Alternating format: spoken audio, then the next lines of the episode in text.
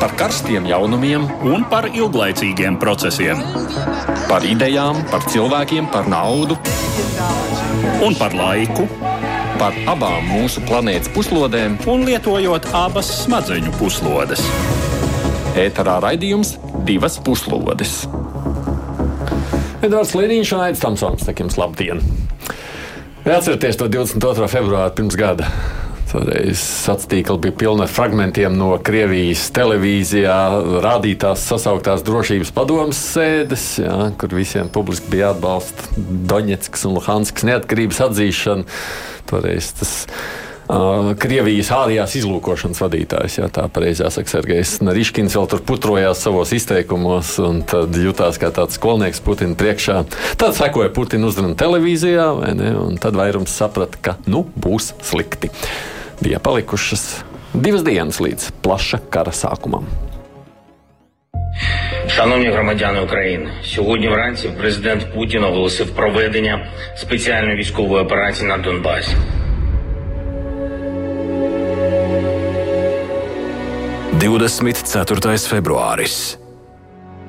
Gads kopš kara Ukrainā. Visu šo nedēļu mēs krustpunktā runājam par dažādām sociālajām, ekonomiskajām, finansiālajām sekām, kādas šis karš ir izraisījis.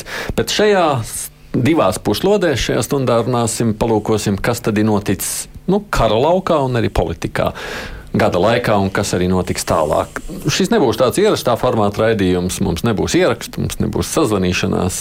Studijā kopā ar mums ir vēl trīs dažādi eksperti. Bijušais Nacionālo bruņoto spēku komandieris ģenerālis Raimons Graubi. Labdien! Labdien. Atcerieties, kad karš sākās, mēs arī ar jums tikāmies studijā. Dienu iepriekš mēs tikāmies. Pat, ne, vai ne? Līdzīgi starp citu kā ar Austrumēropas politikas pētījuma centra pētnieku valsts locekli Mārcis Balot, kurš pirmās stundas pēc kara sākuma daudz stundas pavadīja Latvijas vienas studijā. Jā, labdien, jā, es biju bieži viesis pirmās pāris nedēļas. Jā. Un esam šī gada laikā tikšies arī ar vēsturnieku Latvijas Nacionālās aizsardzības akadēmijas pētnieku Valdi Kuzminu. Labdien! Ja mēs tā godīgi paskatāmies uz sajūtām kara pirmajās stundās, vai jūs atceraties, ko jūs domājāt, kas tad notiks tajās nākamajās dienās, nedēļās, mēnešos mācīt? Um, es atceros, galvenā emocija, ko es atceros no tā laika, bija zinām, nedrošība par Ukrainas uh, nevis gatavību cīnīties pretī, bet par spējām. Spējām, nu jā. Jo par, par, par gatavību laika gaitā man, ne, man bija radusies pārliecība, ka gatavība, prasot, apņēmība un vēlme stāties pretī, tad tas, tad tās Ukraiņiem netrūks. Absolūti, jā. Mm -hmm. Bet tas, kas man vairāk uztrauc, bija viņu spēja un prasme stāties pretī. Un pareizāk, varbūt, varbūt pat pareizāk būtu teikt, ka man tas uztraukums bija par, par Krievijas plānu. E, ierodoties par to, kā Krievija būs sagatavojusies šim, -hmm. šim notikumam. Bet, nu, faktiski pirmās nedēļas laikā ātri vien jau tapu skaidrs, ka Krievija bija sagatavojusies kaut kam pavisam citam. Un, un viņu gaidīt, Krievijas gaidītās siltās sagaidīšanas vietā Ukraiņi viņus sagaidīja pavisam citādi, un, un līdz ar to arī manas bažas diezgan ātri sākotnējās izplēnēja. Edvards, tev arī, man liekas, šis laiks studijā bija tajā pirmajās stundās, vai ne? Jā, pirmo jā, jā. dienu. Pavadīju šeit, radio studijā, tavs sajūtas, atceroties to. Nu, ne tik daudz sajūtas, es atceros, nu, domas, ko es jā, domāju.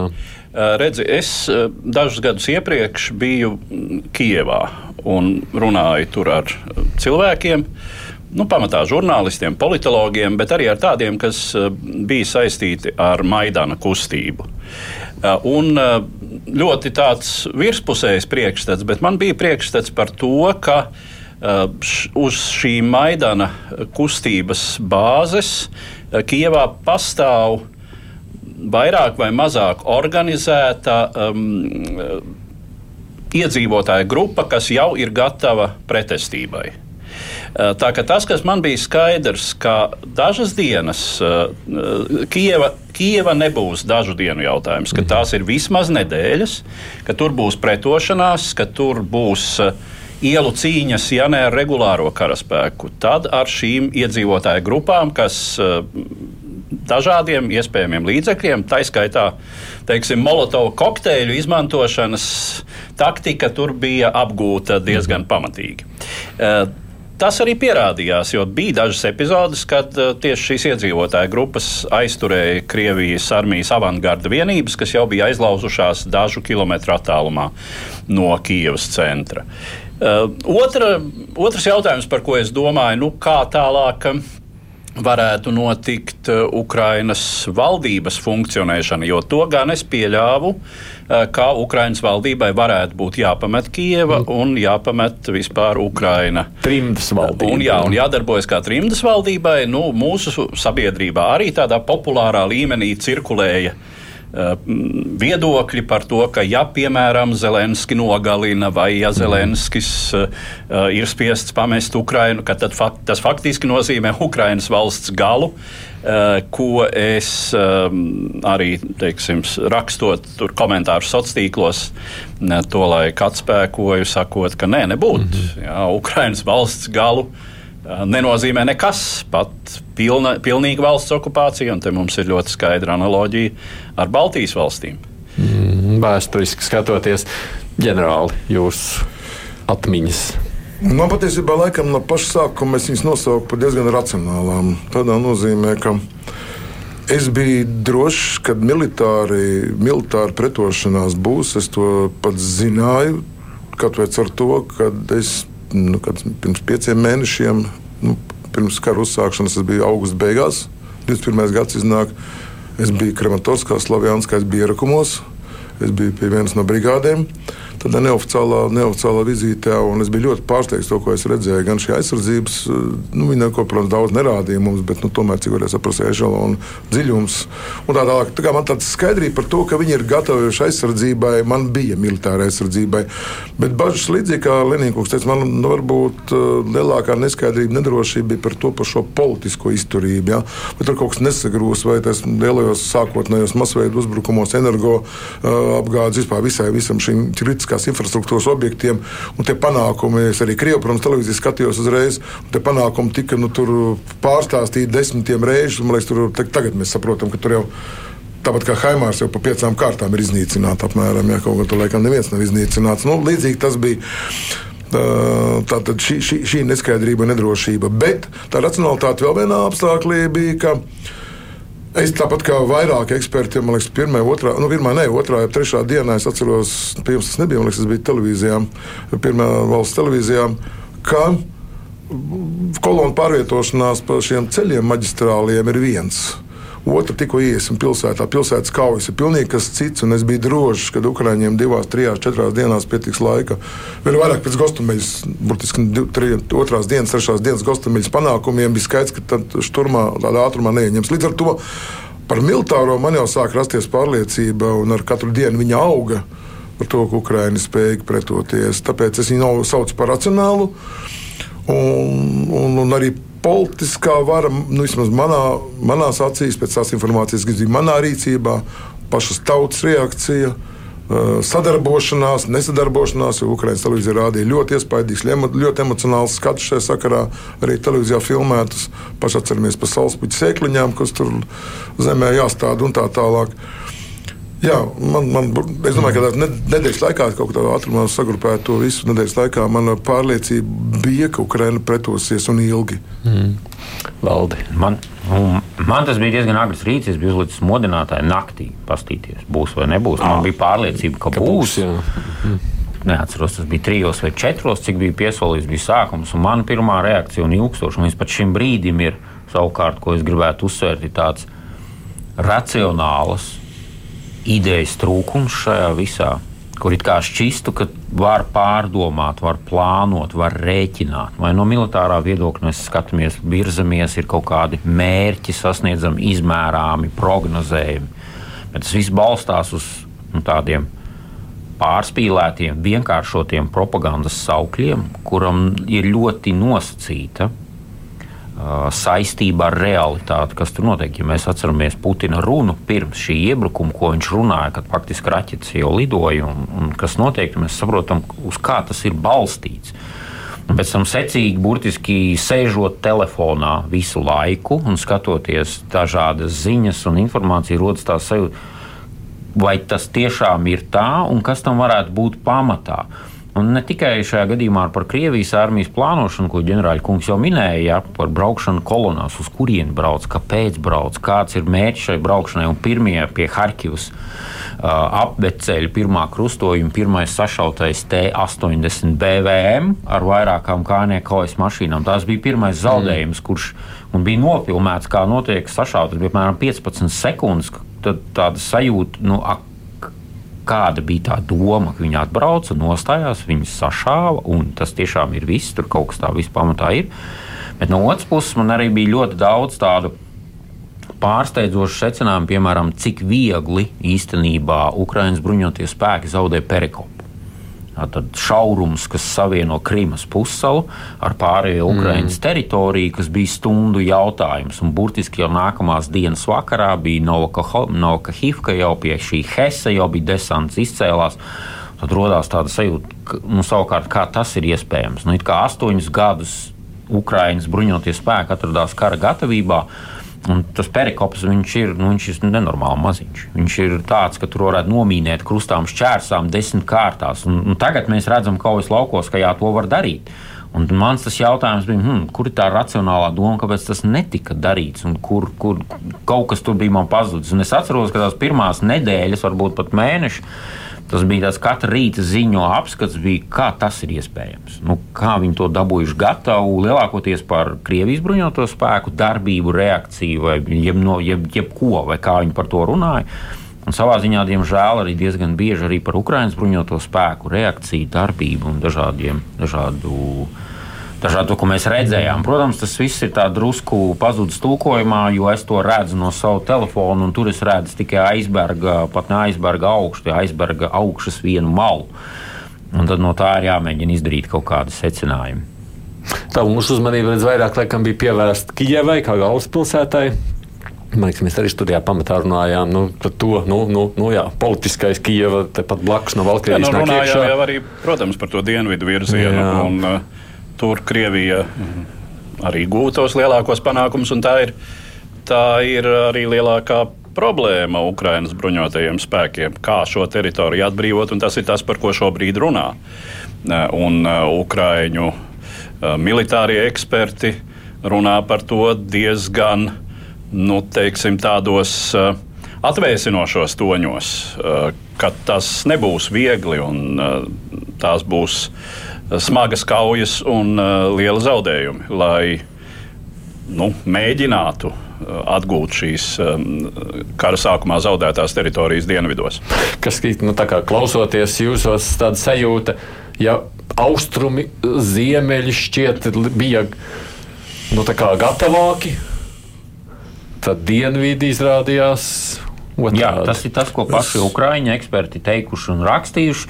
Un es pieņemu, ka arī iekšēji militārā vidē ir daudz jautājumu. Es pat kādu brīdi atpakaļ lasīju, ka tur notiek pat izmeklēšana un ir aizdomas par nodeļu. Varbūt ne Ukrāņas bruņoties spēkos, bet saistībā ar robežsargiem, ar muitu, ar vēl kaut kādām detaļām par tiltu atmīnēšanu un vēl dažādām lietām, kas tieši šajā ap, apvidū notika. Es vēl papildinātu, ka tas bija patiesībā jā, pārsteigums visiem, ka Krievi tomēr tik plašā frontē mēģinās uzbrukt pilnīgi no visiem virzieniem, un viss mm. virziens ir padarījis, ja ne pa galvenajiem, tad vismaz. Nu, par ļoti nozīmīgiem priekš sevis. Un kaut kur izdevās, kaut kur neizdevās. Vienas puses tas ir labi, jo, jo tas ir vēl viena no viena šī gada Krievijas kara darbības teiksim, neveiksmju, es viņus saucu par neveiksmēm, neveiksmju analīzes ir tieši šis spēku koncentrācijas trūkums. Un paldies Dievam, ka viņi nespēja koncentrēt spēkus kaut kādiem vieniem, diviem izšķirošiem virzieniem, bet sadalīt spēkus.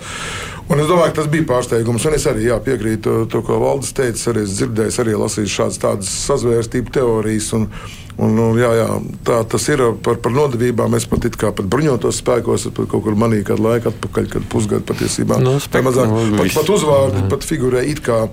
Bet, nu, lai, lai Ukraiņi paši tiek galā, jā, šī spēka sadalīšana noved pie tā, ka arī Ukraiņi, Ukraiņi nespēja sadalīt, viņi tomēr šos spēkus tik ļoti viņi koncentrējās uz saviem nu, izšķirošiem Harkovu, Kijevu, ko arī nosargāja. Un, principā, Donbass, Luganskas virziens tika pilnībā nosargāts. Tur ierakuma sistēma aizsardzības līnijas bija pietiekami gars. Tur ir mainījies gandrīz nu, plus mīnus pāris virzienos pa 30, 40 km, bet pamatā kilometrs, 2 km priekšā varbūt. Jā. jā, runājot par uh, Harkivu un Kijevu, tie jau arī no politiskā viedokļa bija nozīmīgākie punkti. Ne tikai tāpēc, ka divas lielākās Ukraiņas pilsētas, bet nu, Kijava skaidrs, galvaspilsēta, bet Harkiva arī vēsturiski kādu laiku ir bijusi padomju Ukrainas galvaspilsēta.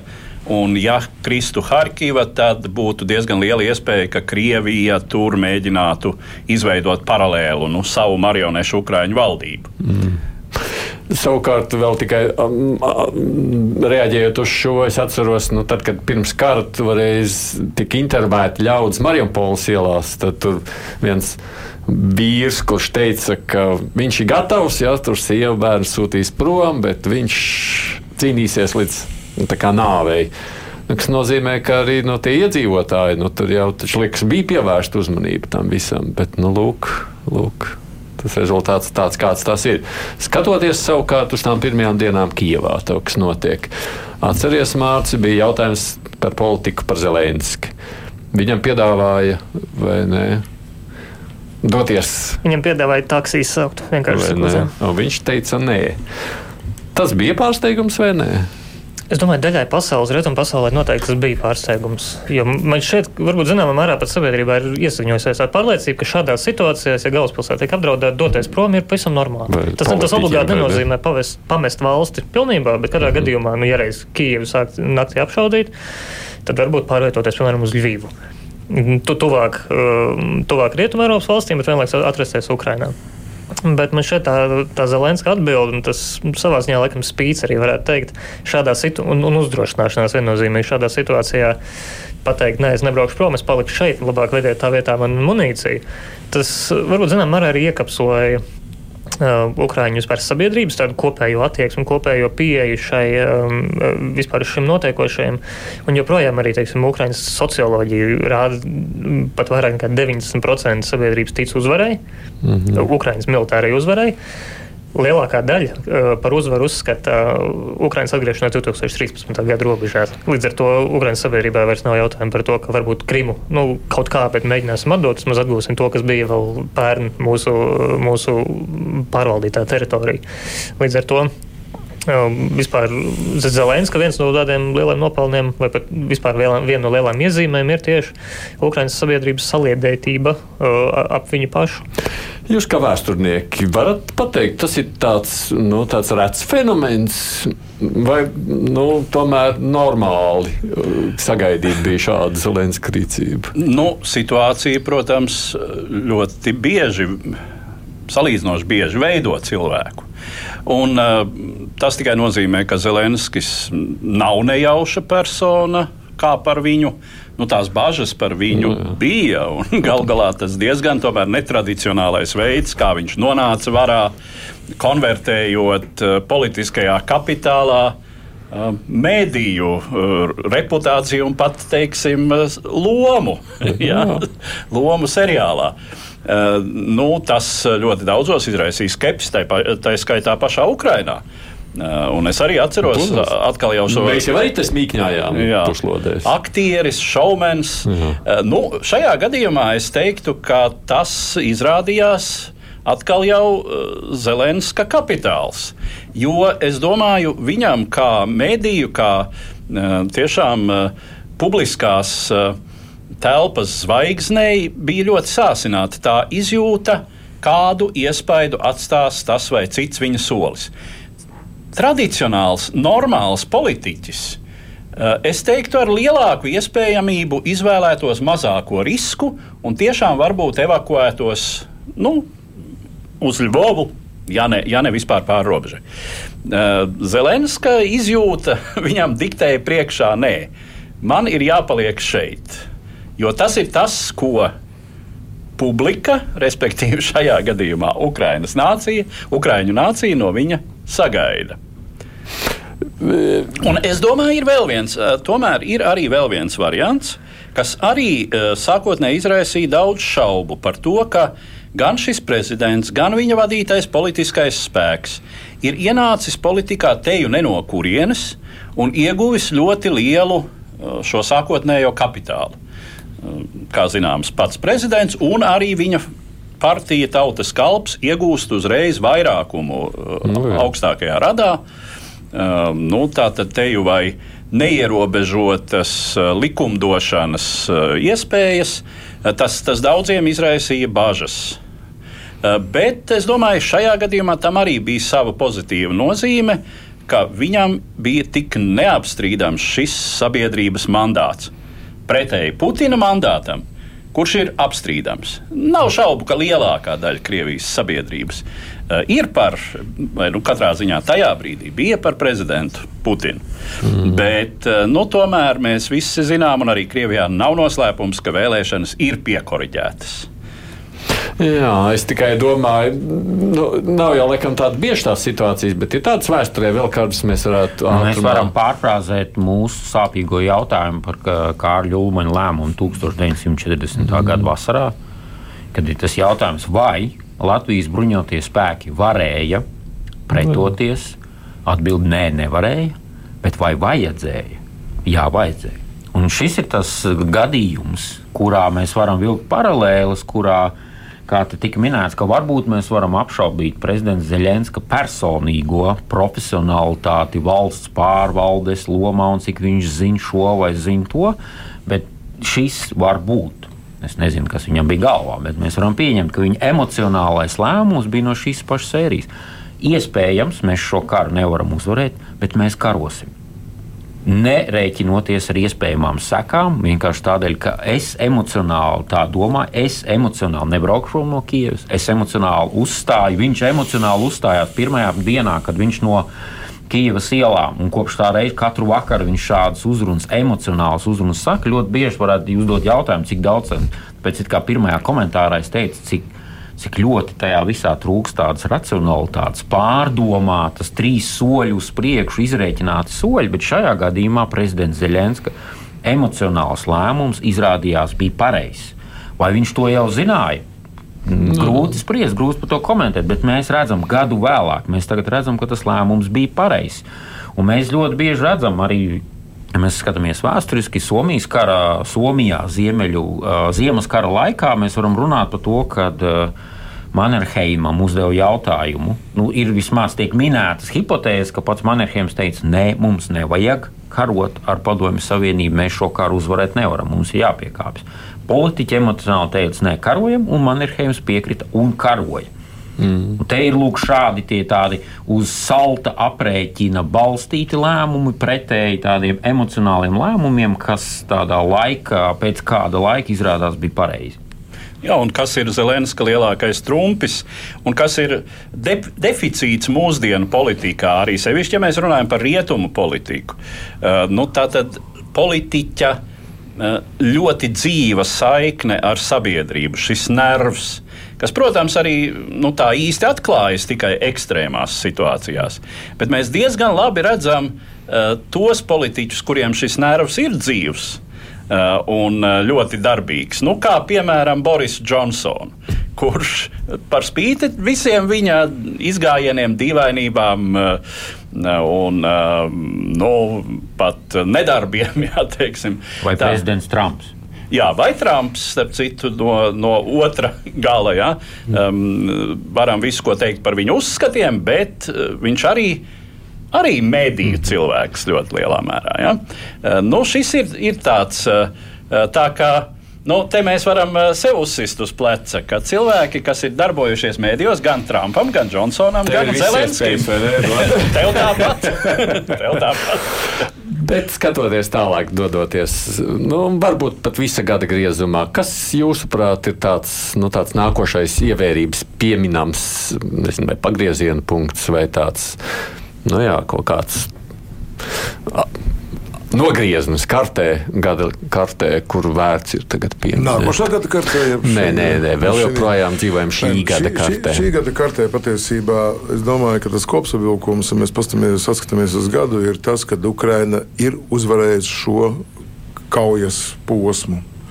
Tā droši apgalvoju. Kāpēc tas tā sanāca? Kas redzat, tur bija? Redzat, sāksim, ar, sāksim ar to, jā, tur, tur, tur atkal tas racionāli jāvērtē. Sāksim izējas pozīcijas. Sāksim ar to, kāds spēks bija Krievijas rīcībā, kāds spēks bija Ukraiņu rīcībā.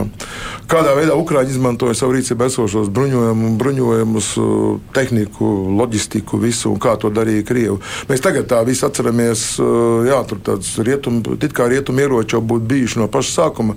Nē, draugi, mīļie, es atgādināšu visiem, ka pašā kara sākumā labākā gadījumā bija pretgaisa aizsardzības sistēma Stinger. Tuvās darbības un, un, un, un džavelīni, nu, arī mūsu dotie teiksim, mm -hmm. stingeri. Tas nozīmē, ka tādā kaujas izpratnē tas nozīmē, ka neviens no šiem ieročiem nešāva tālāk par 500 km. Mēs devām kaut kādu iespēju ietekmēt ienaidnieku, Krievijas uzbrukšanas Krievijas daļas 5 km attālumā. Viss. Tas bija viss. Pirmie haimāri ko slavenie Hēmēri, cik liela 20 laikam atnāca, bija jūnijas, jūnija otrā pusē, jau pie, ap Jāņiem kaut kur, ja ne jā, atmiņa neviļ. Ja. Pirmie triecieni efektīvi jūlijas sākumā. Nu jā, mm. tieši tā. Tātad pareiķināsim, kas tie ir pa laikiem. Līdz tam Ukraiņi kāvās ar viņu rīcību esošajām sistēmām. Un šis viss um, Krievu pārspēks, tehnoloģiskais, tehniskais, ir, ir milzīgs. Un vēl viens, manuprāt, nepietiekami analizēts aspekts ir, ir tāds, ka Krievija ir nu, tikai ļoti nedaudzām pasaules supervalstīm militārajām, ir eh, tāds, pēdējo pauģu ieroču visās ieroču sistēmu grupās. Nu, vai tas būtu sauszemē, tanki, piemēram, 90. aramatas. Nu, tas jau ne, ne, neanalizēšu tagad, eh, cik viņi kaujaspēji izrādījās. Tas pats pārnotās raķetes, kalibri, balistiskās raķetes, kalibri, iskanderi, lidmaš, piektās paudzes lidmašīnas, kuģi, modernākie kreiseri, kā tikko Gorškau tipa fregatas un tā tālāk visās jomās, kas bija Ukraiņai pretī. Nu, joprojām nekā. Kas no tā viss ir dots no rietumiem? Nekā. Mēs labi, varbūt artērijas sistēmās varētu teikt, esam saņēmuši, viņi saņēmuši pēdējās paudzes, un arī tad ne visas raķešu sistēmas. Haimāram tikai viena no raķetēm, 9 km, kur ir atakām, ja kā viņi tur pareizi izrunājās. Ja. Nekas nav. Ar to, ar to piemēru gribu teikt, un šādā veidā analizēt, tā bilde ir pavisam pozitīva. Viņa paliek pozitīva. Mm. Jo Ukraiņi to visu ir noturējuši, uzvarējuši, izdzinuši no Helsonas. Jā, tur ir ļoti liels darbs darāms, apturējuši ar viņu rīcībā ļoti ierobežotiem un ne pašiem modernākiem ieročiem. Protams, ka rietumu munīcijas piegāde un arī daudz dažādu kaujas lauksaimnes ne tikai ieročiem, sakaru sistēmas un tā tālāk. Jā, tāda palīdzība ir, bet, bet, bet tas viss jārealizē. Un ieroču sistēmas, ar ko viņi realizē, ir stipri vājākas nekā Krievijam. Fronte šobrīd ieroču sistēmā sāk izlīdzināties, vai spējas sāk izlīdzināties. Es uzskatu, ka viņi šobrīd jau ir sasnieguši, vai tūlīt sasniegs ar tankiem tādu vienādību. Par, tad, un, un jebkurš nākamais moderns ieroču sistēmu došana Ukraiņai vērsīsies par labu. Krieviem paliks vienīgi cilvēku resursi, nežēlīga mešana, kauja uz slaktēšanu. Jā, protams, ar to var būt arī panākums kaut kādā mērā, bet, bet tas ir viss, kas paliks Krievijai. Tā kā es esmu kopumā. Un kas tajā sākumā, ja, tajā, ko jūs sacījāt? Un kāpēc tad, nu, tad praktiski gandrīz nu, vairākus mēnešus, gandrīz pusgadu cīnoties pilnīgi spēku nesamērību, kāpēc viņi spēja tik ļoti to kara gaitu pārlauzt? Uh, viņa patiesībā sākumā nevis nepārlauzīja pāris vietās, tā nu, kā nu, apturēšana, pēc apturēšana ir pārlaušana. Patiesībā, jā, nu, nu, tāpat kā es varu atbildēt. Pareiza plānošana? Pareiza. Viņi, pamatā, pamatā, es pamatā teikšu tā, ka uh, pareiza plānošana un pilnīgi citi plānošanas komandu vadības principi. Ir pilnīgi citi uh, situācija, nav kontrolējama arī Krievijam, nebija kontrolējama arī tagad daļai nav. Paturēsim prātā, kad sākotnēji uzbrukuma uh, saskarsmes nu, saskarsmes josla bija kaut kāda pār par 2000 km. Ja? Tagad cik ir palikuši kaut kādi 1200 vai nu, kaut kas tāds. Ja? Uh, tad, uh, tad nokontrolēt, tu nevari centralizēt to visu. Tev ļoti jāpaļaujas uz, uz jaunāko komandieru teiksim, improvizāciju un tiesībām deleģētajām viņam, kas ir NATO vadības, komandu vadības princips. Šis ir viens no, viens no tādiem, tādiem, manuprāt, labākajiem piemēriem. Un Krievijas stingri hierarhētā, stingri subordinētā sistēma, ka katrs prasa augšējiem Kaut kā ātruma lēmumu pieņemšana, piemēram, raķetes palaišana, haimārs raķešu sistēmas palaišana, es pieņemu, ja tur koordināts ir iedots, nu, cik aizņem, lai saskaņot ar kaut kādu vadību ātri, izmantot 15 minūtes. Nu, es domāju, ka Krievi saskaņo šīs ar augstākā vadībā šurpu turpu stundām, ja ne diennakti mm. iepriekš. Ja? Jo tāda vienkārši ir tā sistēma. Tā, tā, viņa, tā, tā ir otrā pasaules karā, bija, tā bija pirmā pasaules mm. karā. Un, nu, viens puses, paldies Dievam, ka tagad ir tā arī. Valdi, jūsu primārais iemesls bija totāla Krievijas bruņoto spēku nekompetence. Gandrīz ar atsevišķiem izņēmumiem, gandrīz visos līmeņos sākot ar politisko vadību, ar mērķu uzstādīšanu, ar pašu svarīgāko, kas, ko vēl aizvien, piemēram, pēc vakardienas Krievijas prezidenta uzrunas, dažādos uh, reakcionāros Krievijas telegramu kanālos bija jautājums, ko viņi uzdeva. Kas ir mērķis? Ir pagājis gads, un mērķis nav definēts. Un visi smīkņā smīkņā, pat tie, kas atbalsta genocīdu pret Ukraiņu tautu, viņi jūtās šokēti, ka nav definēts mērķis, nekāds mērķis nav definēts. Viņi smējās pie sevis, ko sasniegsim, to definēsim par uzvaru. -hmm. Tas ir no politiskās, un tas ir ļoti svarīgi. Nav iespēja militāra uzvara bez precīzi definēta, angļuiski to sauc par end state, Latvijasiski nemāķi ātrumā iztulkot, kāds ir gala rezultāts, kas ir tas, ko mēs gribam sasniegt. Un pēc tam jau militārās plānošanas laikā, gan strateģiskā, operacionālā, taktiskā līmenī, tiek plānots, kā mēs šo mērķi sasniegsim. Un arī šajos līmeņos totāla nekompetence. Gan sākot, gan sākot ar to, ka nav vienotas komandu vadības sistēmas visā teātrī. Nu, kara darbības rajonā ir rietumkara apgabals, kas karo pa savām, dienvidkara apgabals pa savām. Doņetskas, Luhanskas korpusi karoja pa savām, daļai bija integrēta, daļai nebija. Un šādi mēs varam iet visu komandu vadības ķēdi, un katrā no šiem posmiem ir totāla nekompetence. Tas nav mans viedoklis, tas ir viedoklis, ko šie paši reakcionārā Krievijas sabiedrības daļa, gan militāri personas, gan brīvprātīgie, gan vienkārši klai nacisti raksta, kā galveno iemeslu, kādēļ nekas mums nesanāk. Pēdējais piemērs - Jevgeņģis Prigožins burtiski šorīt garās. Vairāk kā desmit minūšu balss sarunu ierakstos lamā visus par sliktiem ļauniem, un labi, ka tā. Labi, ka ir šī nekompetence, tas deva iespēju Ukrāņiem pirmkārt noturēties arī ar saviem dažādiem izaicinājumiem, pēc tam saņemot galvas tiesas pārākas sistēmas, kas ir Haimārs. Šeit varbūt es gribētu diskutēt ar ģenerāļu kungu, ka Haimārs sistēmas ir cita paudze. Krievijai nav un pat tūmā nav mm. līdzīgs nekas. Tas ir milzīgs iztrūkums viņiem, ko viņi paši saprot, ka tā ir milzīga, grandioza problēma. Un šī nekompetence parādījās tajā brīdī, un tas ir ļoti būtisks faktors, ka šis ir pirmais militārais konflikts kopš pat grūti teikt, no kura posma var skatīties no otrā pasaules kara, no Korejas kara varbūt tās, kur ir satikušās divas līdzvērtīgas, tehnoloģiski attīstītas militāras sistēmas. Līdzvērtīgas. Jā, Krievijai ir vairāk tanku, Jā, Krievijai ir labāka, objektīva, labāka aviācija, bet tehnoloģiski līdzvērtīga aviācija, vairāk nolaista, bez finansējuma, bez ieročiem, bet varbūt ar tādiem labiem pilotiem, noskaņotiem, varonīgiem pilotiem tur līdzi. Bet tehnoloģiski abas šīs sistēmas ir līdzvērtīgas. Un šis konflikts ir principiāli atšķirīgs no tā, kas bija piemēram Līča karā, jeb tas, ko Krievija darīja Čečenijā, jeb tas, ko Krievija darīja Sīrijā, kur bija nesalīdzināmas tehnoloģiskās attīstības pakāpēs, kur varēja droši lidot helikopteru un šaut, kā viņi grib, zinot, ka viņiem par to nekas nebūs. Un tad pēkšņi ir Ukraina, kur pēkšņi nē, tā nav.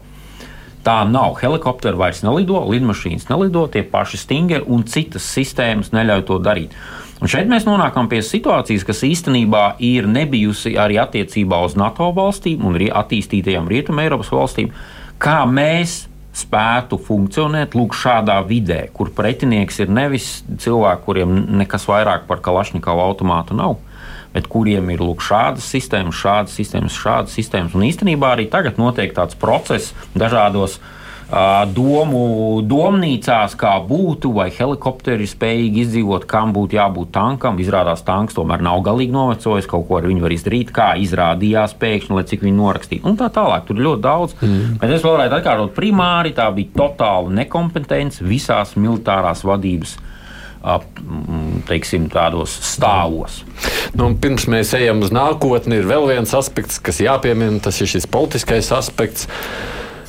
Uh, Um, tas, kas noticis rietumu attieksmē visā šī gada laikā, atceramies, jā, sākumā jau tā.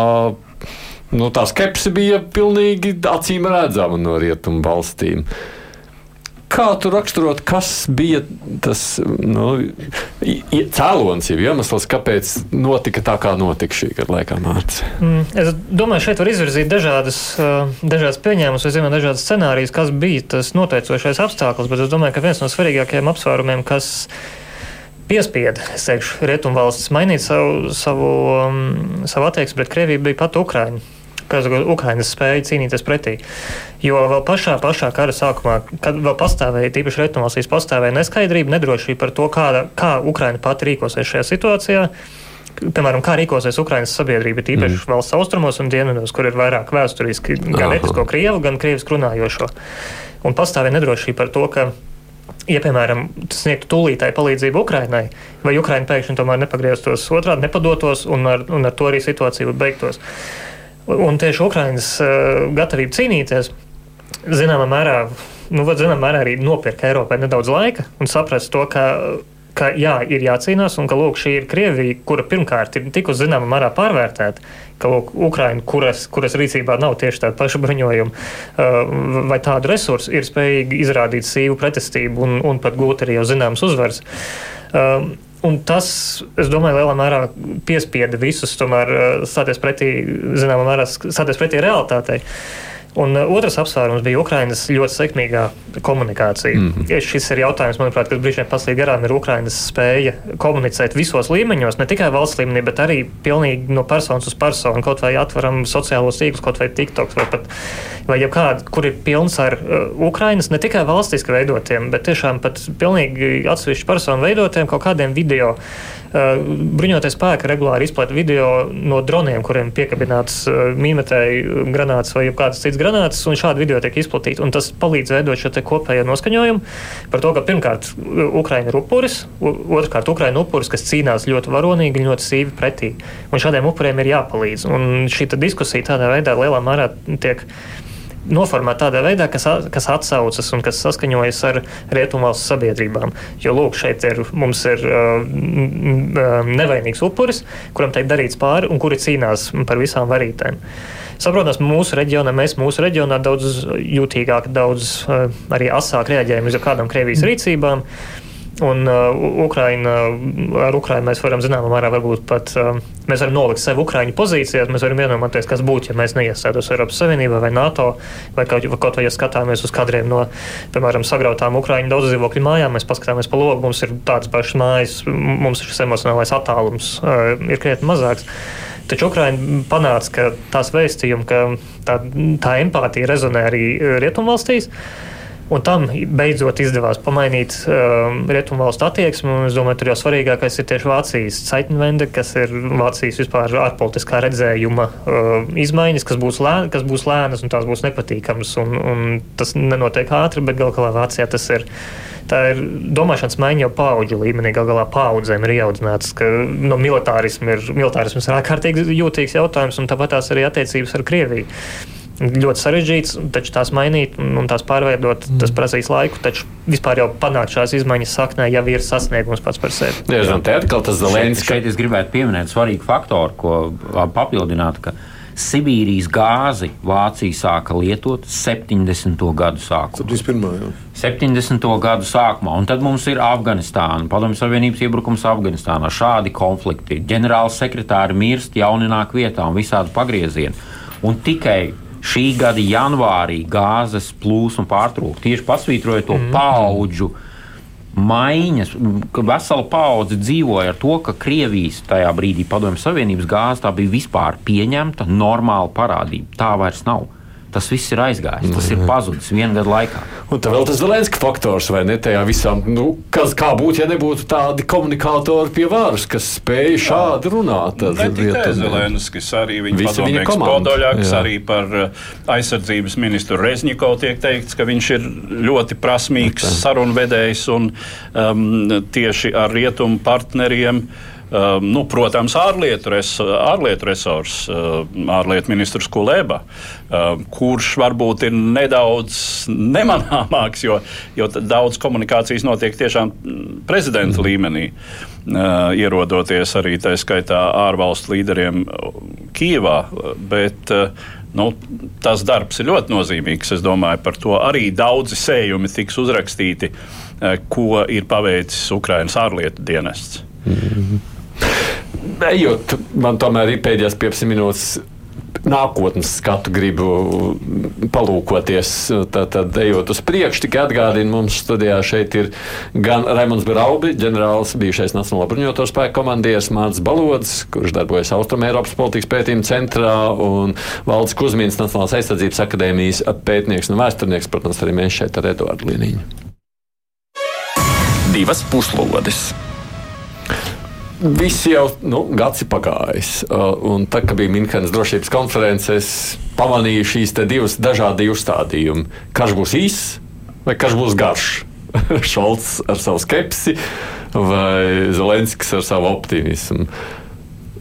Nu, tagad no jūsu redzot šī gada skatu, jūs esat kā pusē vairāk, kā pusē jūsu simpātijas. Mārcis. Es būšu pesimists. Es, es runāšu par kara iejaukšanu. Zināmā mērā tas, tas laikam arī tāpēc, ka man, zināmā mērā, ausīs vēl skan vakardienas Putina mm -hmm. uzstāšanās.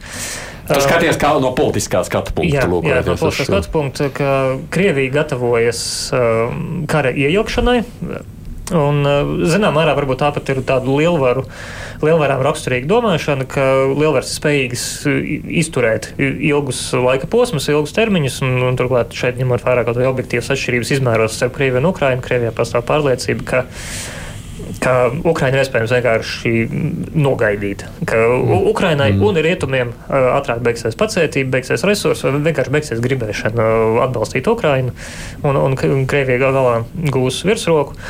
Tajā pašā laikā arī Ukraina, es domāju, acīm redzam, gatavojas jau kara iejaukšanai, kaut vai tā iemesla dēļ, ka viņiem jau citu variantu vairs nav. Viņi, saprotams, viņi noteikti gribētu uzvarēt, uzvarēt to izdarīt jau to ideālā gadījumā šodien.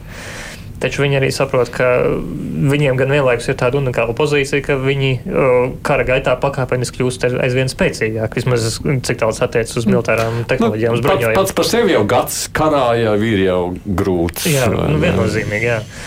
Taču, es, taču manā personīgā teikt, vērtējumā uh, ir jārēķinās ar to, ka karš iejauks. Iespējams, ir arī tieši tāda kara iesalšanas, uh, iesalšanas fāze. Nevienā no pusēm neatsakoties no maksimāli, saviem maksimālistiskajiem um, uzstādījumiem. Līdz ar to Krievijai, Krievija var principā, ierakties nu, pozīcijās Donbasā un karam, karš var reāli nu, izčākstēt ar, ar tādu iesalšanu, ka karš īstenībā nav atrisināts, konflikts nav atrisināts, taču kara darbība pamazām norimst, ko. Ukraina mm -hmm. noteikti negrasās pieļaut. Es, mm -hmm.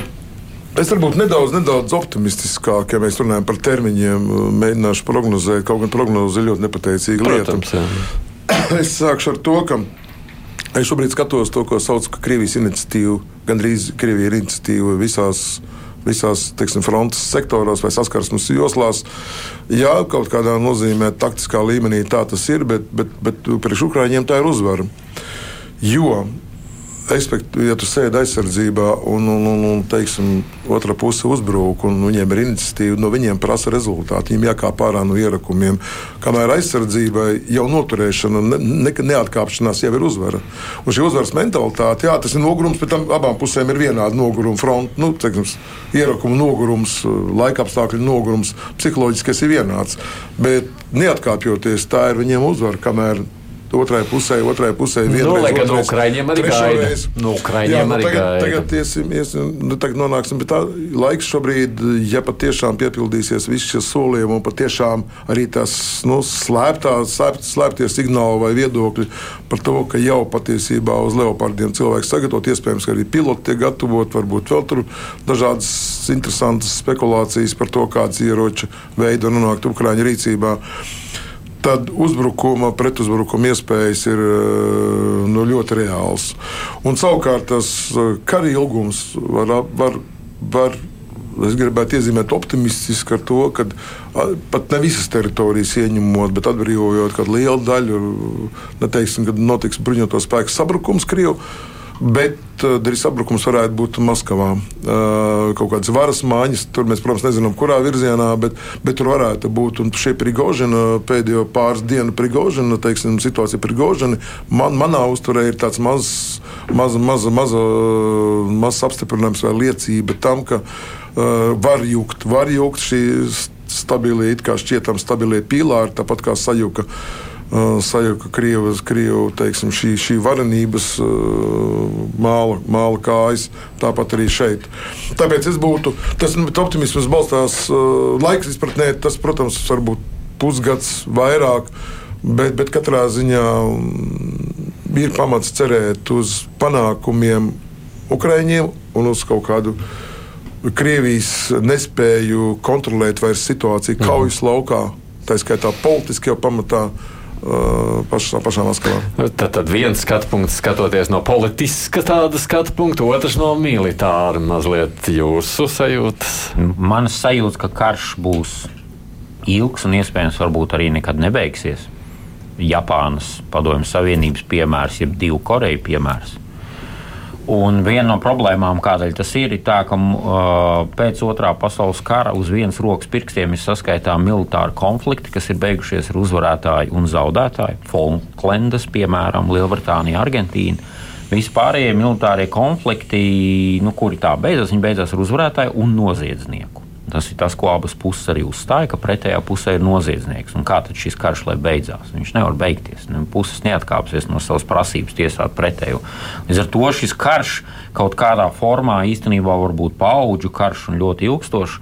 Bet, ja mēs skatāmies tīri no militārā viedokļa, tad ir diezgan, nu, kas, kas tā, manuprāt, ir redzams, ka Krievijai nav iespējams gūt lielus panākumus frontes līnijā. Un tāpat arī Ukraina pagaidām ir diezgan sarežģīta, un tas ir smagiem zaudējumiem balstīts. Patreiz, ko redzēt, ko es arī gribētu pieminēt, ja, kas bija Putina, no Putina runas izriet, ka viņa mērķis ir pārciest Ukrainu. Cerēt, ka Krievijas sabiedrība cietīs ilgāk, tāpēc ka objektīvi cieš mazāk, diemžēl, un Ukraiņas sabiedrība ciešot vairāk, salūzīs vairāk. Tas ir Putina plāns, ko viņš apmēram ir iezīmējis. Līdz ar to, kā šo karu var panākt, mums, rietumu sabiedrība un mums, Latvijas, domāju, mūs arī individuāli sevi, mums ir jāliek Krievijas, Krievijas sabiedrībai, lai cik tas cīniski neizklausās. Šis ir Putina karš, bet piespiest karu pārtraukt var Krievijas sabiedrība. Un ekonomiskās sankcijas, ekonomiskā blokāde, pārliecinoša ekonomiskā blokāde, kas liktu Krievijas sabiedrībai izdarīt spiedienu. Mans savu... punktā raidījums šajā ziņā raisa pesimismu. Jā, raisa pesimismu, bet tas ir ceļš, manuprāt, kas ir reālākais ceļš, lai šis paudžu karš saīsinātos un beigtos mums, rietumu sabiedrībai un Ukrainas sabiedrībā, Ukrainas valstī pēc iespējas sekmīgākā ceļā. Edvard? Jā. Nu, var jau būt dažādi negaidīti pavērsieni. Putins mirst. Jā, pirmais. Putinam ir pār 70. Jā, pamāc. nu, kas to zina? Bet eh, viens variants, jā, eh,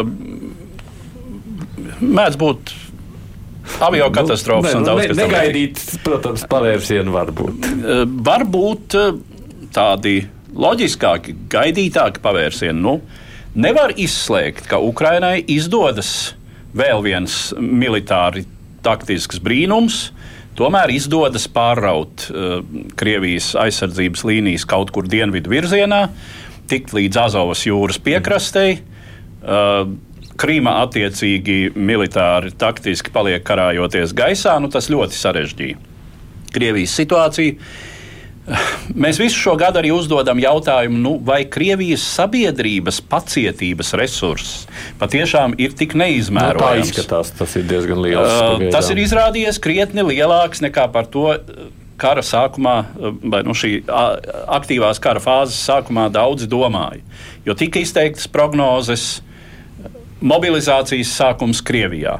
Nu, nu, nosaukuma pēc tā ir ierobežota mobilizācija. Faktiski jau tā ir uh, pilnvērtīga mobilizācija, pie tam uh, mobilizācija ar daudziem problemātiskiem aspektiem. Tas, ka tiek mobilizēti vairāk, piemēram, nekrievu Krievijas pilsoņi. Nu, mēs zinām par burjatiem, kas ļoti lielā skaitā nonāk. Tas varētu te uztraukt, bet ne Krievijā. Nu, kas to zina? Šī mazo tautu nepatika, mazskaitlīgo tautu nepatika pret to, ka viņi tiek primāri izdeldēti šai karā. Tas var radīt lielu un tādas atsevišķas neapmierinātības izpausmes jau ir bijušas. Tas var arī, teiksim, lielā mērā mazināt karaspēka kaujas spējas frontē. Bet, protams, Krievijai ir iespējas, to nevar noliegt, īstenot kaut kādu tiešām uh, Koreju scenāriju. Tas ir, ka frontes līnija paliek kaut kur pa vidu starp Ukrainas starptautiski atzītajām robežām un šobrīd, vai nu teiksim, Krievijas militāriem mērķiem, tātad izveidojas uh, Ukraina, rietumnieciskā Ukraina nosacīti un Krievijas Ukraina. Eh, kas, eh, diemžēl, jā, tā var palikt uz ilgiem laikiem. Es uh, pilnīgi piekrītu uh, tam, ko teica Valdis, par to, ka te, protams, ļoti svarīga ir rietumu sabiedrību un uh, ne tikai politikas, bet tieši sabiedrību nostāja. Krievija šādā gadījumā ir jāizolē un jāboikotē. Un ne tikai ekonomiski. Runa par humanitārajām sfērām, atslēgt no rietumu kanāliem Krievijas izglītību, Krievijas kultūras sfēru, nekādu krievu baletu, ne, nekādu sportā, nekādu sportu. Tādā gadījumā ir jālikvidē esošā starptautiskā olimpiskā kustība mm. kā tāda. Nu, jā, redzi, te ir daudz kas vēlamības formā tajā visā. Ja drīkst, man ir divas minūtes tikai, bet vai nav tā, ka lielā mērā jau arī rietumi šobrīd, nu kā Mēs dzirdam, viņi saka, nu, mēs gaidām, ka tad būs pretuzbrukums. Tagad būs jums iedots, ir. Ja netiekat galā, tad varbūt arī politisks tāds. Oh, Es domāju, šis uh, politiskais atbalsts Ukrainai tik vienkārši arī neizšķirsies. Saprotams, uh, Ukrainas pretuzbrukumu gaida, un to gaida visur. Pašiem Ukraiņiem, saprotams, to vajag ne tikai uz zemes, bet arī politiski. Jo, piemēram, tā, tāds būs, acīm redzot, bez tāda nevarēs. Nu, ne? Jā, Citādāk, izskatās, jā, ka, ka viņi gatavojas un, un, un drīz arī būt, būtu laiks, taču fundamentālā problēma ir tas, ka Krievija ir bīstama valsts Eiropai. Un, un punkts. Neatkarīgi no tā, kā Ukrainai veiksies ar savu pretuzbrukumu pretuzbrukumu. Uh, šobrīd, atbalstot Ukrainu, mēs varam palīdzēt atturēt un iegrožot arī Krieviju. Līdz ar to tādā ziņā ir taisnība tajā apgalvojumā, ka Ukraina lielā mērā karo mūsu vārdā. Tas, jā, bet mēs valdi gaidām to pretuzbrukumu. Nu, gaidām. Sabiedrība, mm, jā, gaida, sabiedrība gaida, gaida, Ukraiņas sabiedrība gaida. Es domāju, varētu būt cits jautājums, ja mēs uzdotu karavīriem pirmajos ierakumos, ka rīt jāiet. Viņiem uz to varētu būt drusku cits skatījums. Uh, Un tas, manuprāt, ir tā, tā mūsu vispār visur problēma. Mēs it kā konceptuāli esam pret Krieviju, bet gāzi mēs gribētu lētāk. Es pārfrāzēju šo situāciju, kāda ir visur rietumu sabiedrībā, un tas tieši tas pats ir arī pretuzbrukumu. Mēs gaidām jūsu pretuzbrukumu, bet mēs paši tur neiesim. Tur ies tie varoņi, kas nu, reāli nepārspīlējot, ir varoņi, ejot triecienos sitoties līdz pēdējiem, un izrādās Netflix seriāli ir arī dzīvē. Mēs redzam karavīru dzīvē. Tas izskatās patiešām tā nav vairs mākslas filma, kas man šokē. Piemēram, ka tas vēl aizvien ir iespējams. Un līdz ar to šis pretuzbrukums ir tāds no vienas puses, es esmu, es ceru, no otras puses, es varbūt es ceru, ka viņiem izdosies. Ceru, ka viņiem izdosies. No šo cerību es saku jums arī paldies, ka atnācāt. Mēs jau laikam nākošo gadu pavadīsim daudz cerību gaidās, un ar Eduārdu noteikti par, vis, par to visu runāsim. Bet nu, šis gads ir bijis tāds, nu, jā, mums daudz pārmaiņu gads un pašiem daudz ko analizēt. Gads. Labāks nekā mēs domājām pagājušā Tas. gada 24. februārī. Tā gan saka raidījuma līdzautors Edvards Liniņš, Latvijas Nacionālās aizsardzības akadēmijas pētnieks, vēsturnieks Valdis Kuzmins, Austrumēropas politikas pētījuma centra pētnieks un valdes loceklis Mārcis Balods un bijušais Nacionālo bruņoto spēku komandieris ģenerālis Remans Graube. Paldies jums, ka atnācāt šeit uz raidījumu divas puslodes. Nu, kā parasti studijā bija reizes Aits Tomsons lielākoties parasti, un producents mums ir Evi Junāva. Nu, Tātad, gaidot tās labās ziņas, mēs arī sakām, uz tikšanos nākamreiz. Divas puslodes, kā parasti ētrā, jau būs pēc nedēļas. Tad arī lūkosim, kas būs uzmanības lokā tuvākajās dienās. Es atgādinu tikai arī, ka mēs esam klausām un dzirdam arī citās platformās. Ne tikai lineārajā tiešraidē izmantojot iespējamos vai nu podkāstu platformās, aplikācijā klausīties. Latvijas raidījā viens mājaslapā, tur ir arhīvs un tam līdzīgi. Tātad klausieties mūsu un uz sadzirdēšanos. Divas puslodes!